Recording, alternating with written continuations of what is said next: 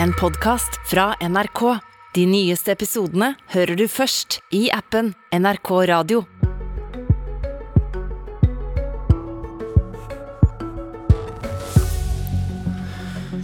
Hva skal Norge svare en russisk mann som kommer til grensa og sier Jeg vil ikke krige for Putin, kan jeg få beskyttelse i Norge? Vi merker krigen på flere fronter. I går kom regjeringen med forslag om grunnrenteskatt. En skattebombe, som noen mente var en tidsriktig metafor. Regjeringen øker skattene igjen for å slippe å prioritere, mener Venstre. Og vi begynner der med forsøket på å få inntekter og utgifter i statsbudsjettet til å gå opp. Velkommen til Politisk kvarter, Sveinung Rotevatn, nestleder i Venstre og medlem i finanskomiteen på Stortinget. Takk for det. Hva mener du med at forslaget om en grunnrenteskatt viser at regjeringen ikke kan prioritere? Altså, grunnrenteskatter det kan være fornuftig nok, eh, det, og det kan f.eks. gi rom til å ta ned andre og mer skadelige eh, skatteformer, som eh, formuesskatt og inntektsskatt osv. Men det er jo fint lite som tyder på at regjeringa har tenkt å gjøre det. Tvert imot så virker det nå som de har tenkt å øke det samla skattetrykket på næringslivet med mange titalls milliarder kroner, som kommer på toppen av de nesten ti milliardene de øker skattetrykket med bare i år. Og Da begynner jeg og Venstre å bli bekymra. Nå begynner dette å handle om balansen mellom privat og offentlig sektor.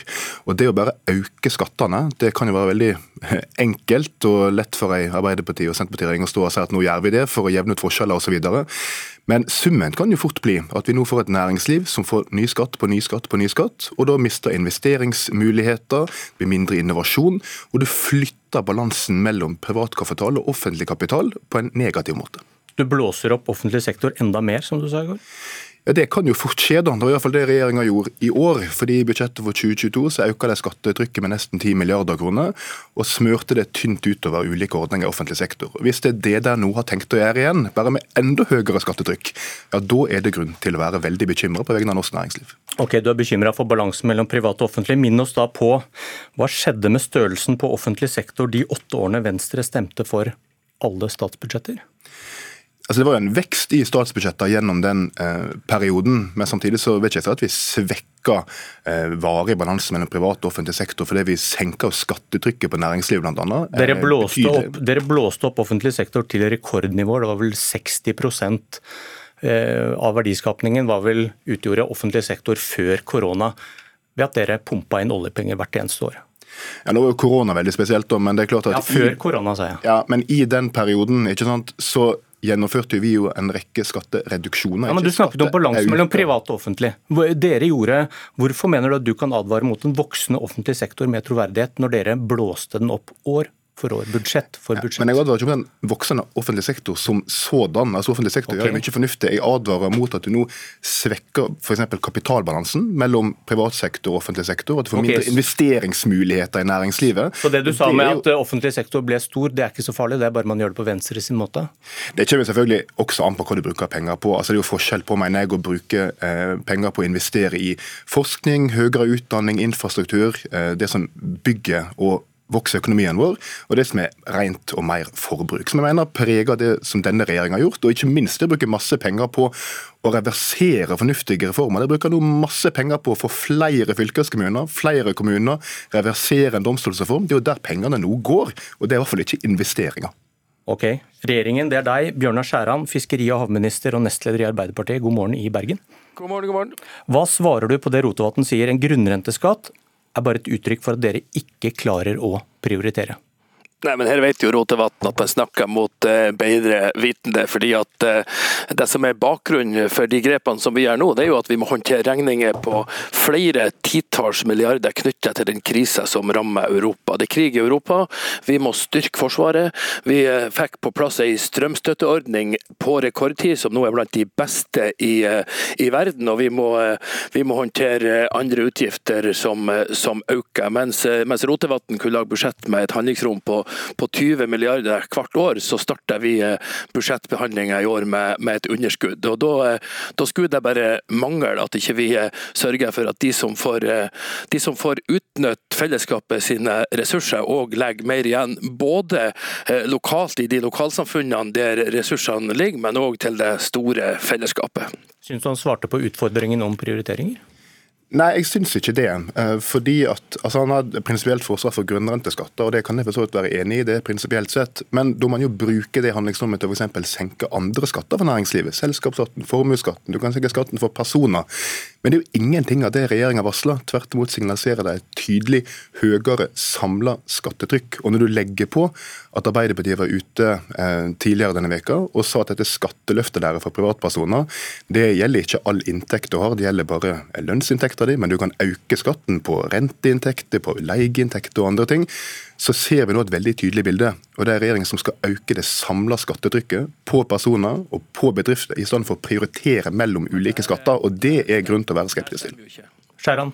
Ja, nei, det her stemmer jo ikke. Vi har vært krystallklare på skatteløftet vårt. De som har lave inntekter, de som har middels inntekter, skal få mindre skatt med vår regjering. Det var de som måtte bære byrden for de, de store kuttene som eh, Rotevatn og hans eh, samarbeidspartnere eh, sørger for at de aller, aller rikeste i Norge fikk nyte godt av. Og så stemmer det jo heller ikke at, at her auses det på med skatter for næringslivet. Det aller, aller meste ut av de grepene som som eh, vi offentliggjorde i går, de knytter seg jo til de eh, ekstraordinære inntektene som kraftselskapene som er offentlig eid, har hatt knyttet til ekstreme strømpriser. Så, eh, så Rotevatn tegner jo opp et bilde som ikke stemmer. Og det, og det, som vi kommer til å legge fram når budsjettet kommer, det er jo et budsjett for vanlige folk. Der vi, der vi for første gang på åtte år har billigere barnehager, der SFO blir gratis for de minste, der det ikke skal bety noe hvordan pengebok lommebok du har, eller hvor du bor hen,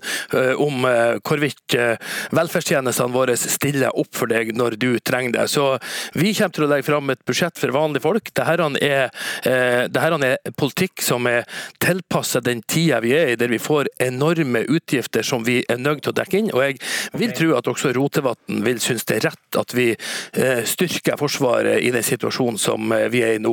men, men Skjæran, vent litt. Dere tyner tilhengere av lavere skatter med at de ikke kan bevise at det skaper arbeidsplasser. Og Vi kan jo snu på det. Kan du bevise når økte skatter begynner å ødelegge for arbeidsplassene? Hvis vi ser eh, tilbake eh, gjennom historien, så er det sånn at med åtte år eh, med rød-grønn regjering i, i, forrige omgang, så ble det skapt i mellom 350 og 400 000 nye arbeidsplasser. De fleste av de to tredjedeler i privat sektor. Og hvis under, du ser det i sammenheng med under, oljeprisen, da, Skjæran, hvem var det nei, som skapte de arbeidsplassene? Men, var det oljeprisen, eller var det deg? Nei, det var, det var, sånn at det er næringslivet som skaper arbeidsplasser, men rammebetingelsene var gode. Under Erna Solbergs regjering så er fasit ca. en tredjedel. Så den dynamiske skattepolitikken som Rotevatn er sånn tilhenger av, den har vi hørt mye om. Men i hvert eneste statsbudsjett som eh, den regjeringa han var en del av, la på bordet, eh, så, så dokumenterte de jo egentlig at eh, den dynamiske skattepolitikken den virker ikke. Den fører kun til økte forskjeller. Vi har gått til valg på at vi skal redusere forskjellene i Norge. Noe av det fineste med Norge er at vi er et land med små forskjeller. Okay. Det er limet i tillitssamfunnet, og det har vi tenkt å ta vare på. Derfor er det det er vanlige folk sin tur nå. Syns du han klarte å bevise at eh, økte skatter ikke går på bekostning av arbeidsplasser, ved å peke på den rød-grønne perioden? Eh, nei, men det er vel kanskje ikke Til, til Skjærans forsvar er det ikke så lett å gjøre på 20 sekunder på Politisk kvarter heller. Eh, men altså, det er fint med billigere barnehage og billigere SFO og alt det der. altså Ingen er imot det. Men jeg vil jo tro at regjeringa blir litt bekymra når en nå ser at kraftselskap, som nå skal få en høyere marginalskatt enn det en har på petroleumsutvinning, nå avlyser investeringsprosjekt. En skal oppgradere vannkraftverk fordi de ikke lenger har kapital til det, og da får en mindre fornybar energiproduksjon. Det håper jeg at regjeringen vil være litt mer bekymra for, og ikke bare bruke denne retorikken som Skjæran nå sitter og bruker her på Politisk kvarter. Og om en uke kommer forslaget til statsbudsjett.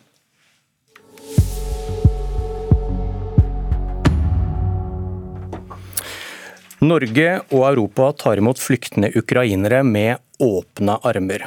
Men hva gjør vi med flyktende russere? Etter at president Putin erklærte delvis mobilisering sist onsdag, kan hundretusenvis av russere ha rømt fra hjemlandet. Og dette har ført til økt trafikk over grensestasjonen på Storskog i Finnmark også. Men i går ettermiddag ble det brått roligere, ifølge politiet i Finnmark. Og det kommer meldinger om russiske tiltak i grenseområdene til andre europeiske land. Hvordan tolker du dette, Sveinung Stensland, du er medlem av justiskomiteen på Stortinget for Høyre? Det er noe som har skjedd. Det var veldig store bevegelser sist uke. Det kom rundt 300 000 russere inn i Europa, og bare i Finland så kom det inn rundt 40 000 russere, altså tilsvarende halvparten av eh, Finnmarks befolkning på ei uke. Eh, og Så ble det plutselig stopp i, i, går, og da kan vi jo bare spekulere i om dette er noe som er styrt fra russiske myndigheter, at eh, de begynner å stenge grensene fra russisk side. Bør Norge gi russere på flukt fra militærtjeneste beskyttelse?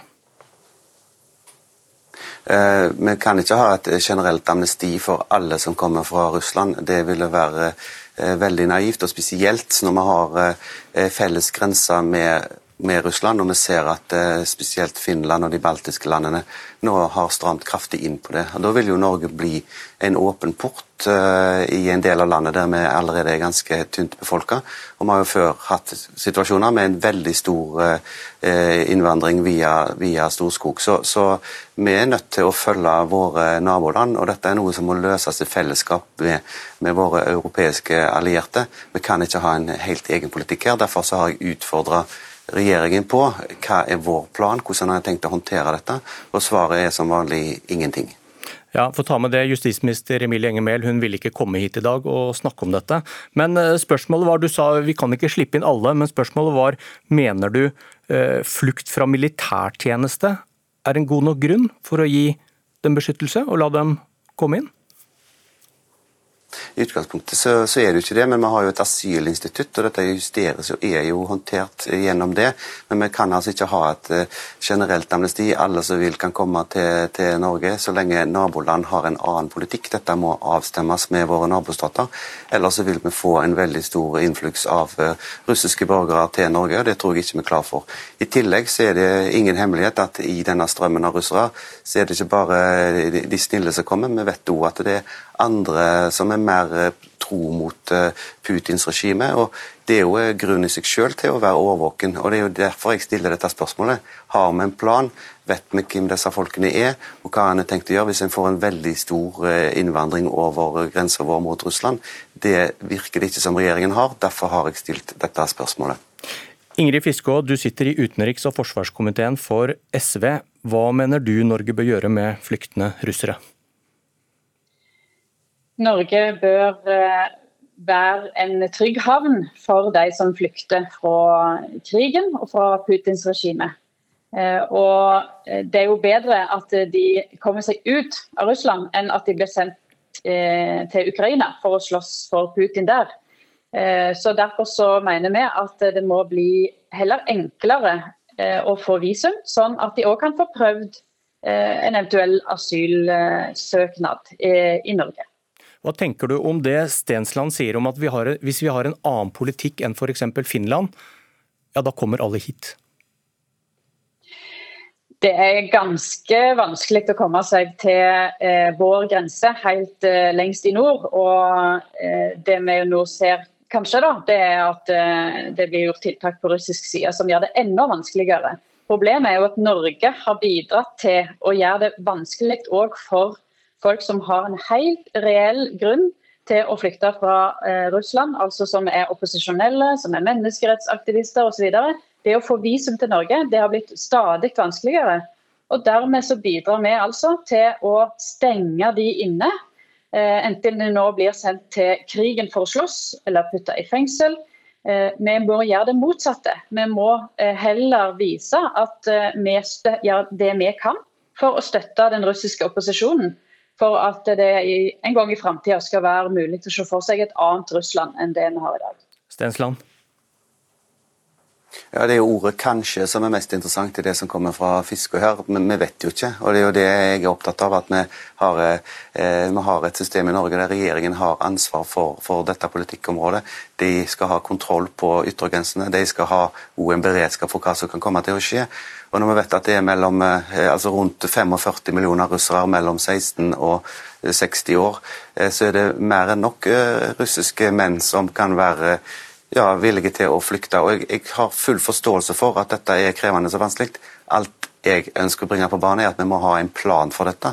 Og vi ser i, i Europa så er det delte meninger, og vi må vite hvor vi skal stille oss der. Og så er det sånn at Norge er et av ikke så forferdelig mange land som har felles grenser med Russland, og det gjør at vi må være forberedt på en helt annen måte. Og det er kaotiske tilstander i flere grenseområder mot Russland fra europeiske stater allerede. Takk Sveinung Stensland, takk Ingrid Fisko. Dette var Politisk kvarter. Jeg heter Bjørn Myklebust. Du har hørt en podkast fra NRK. De nyeste episodene hører du først i appen NRK Radio.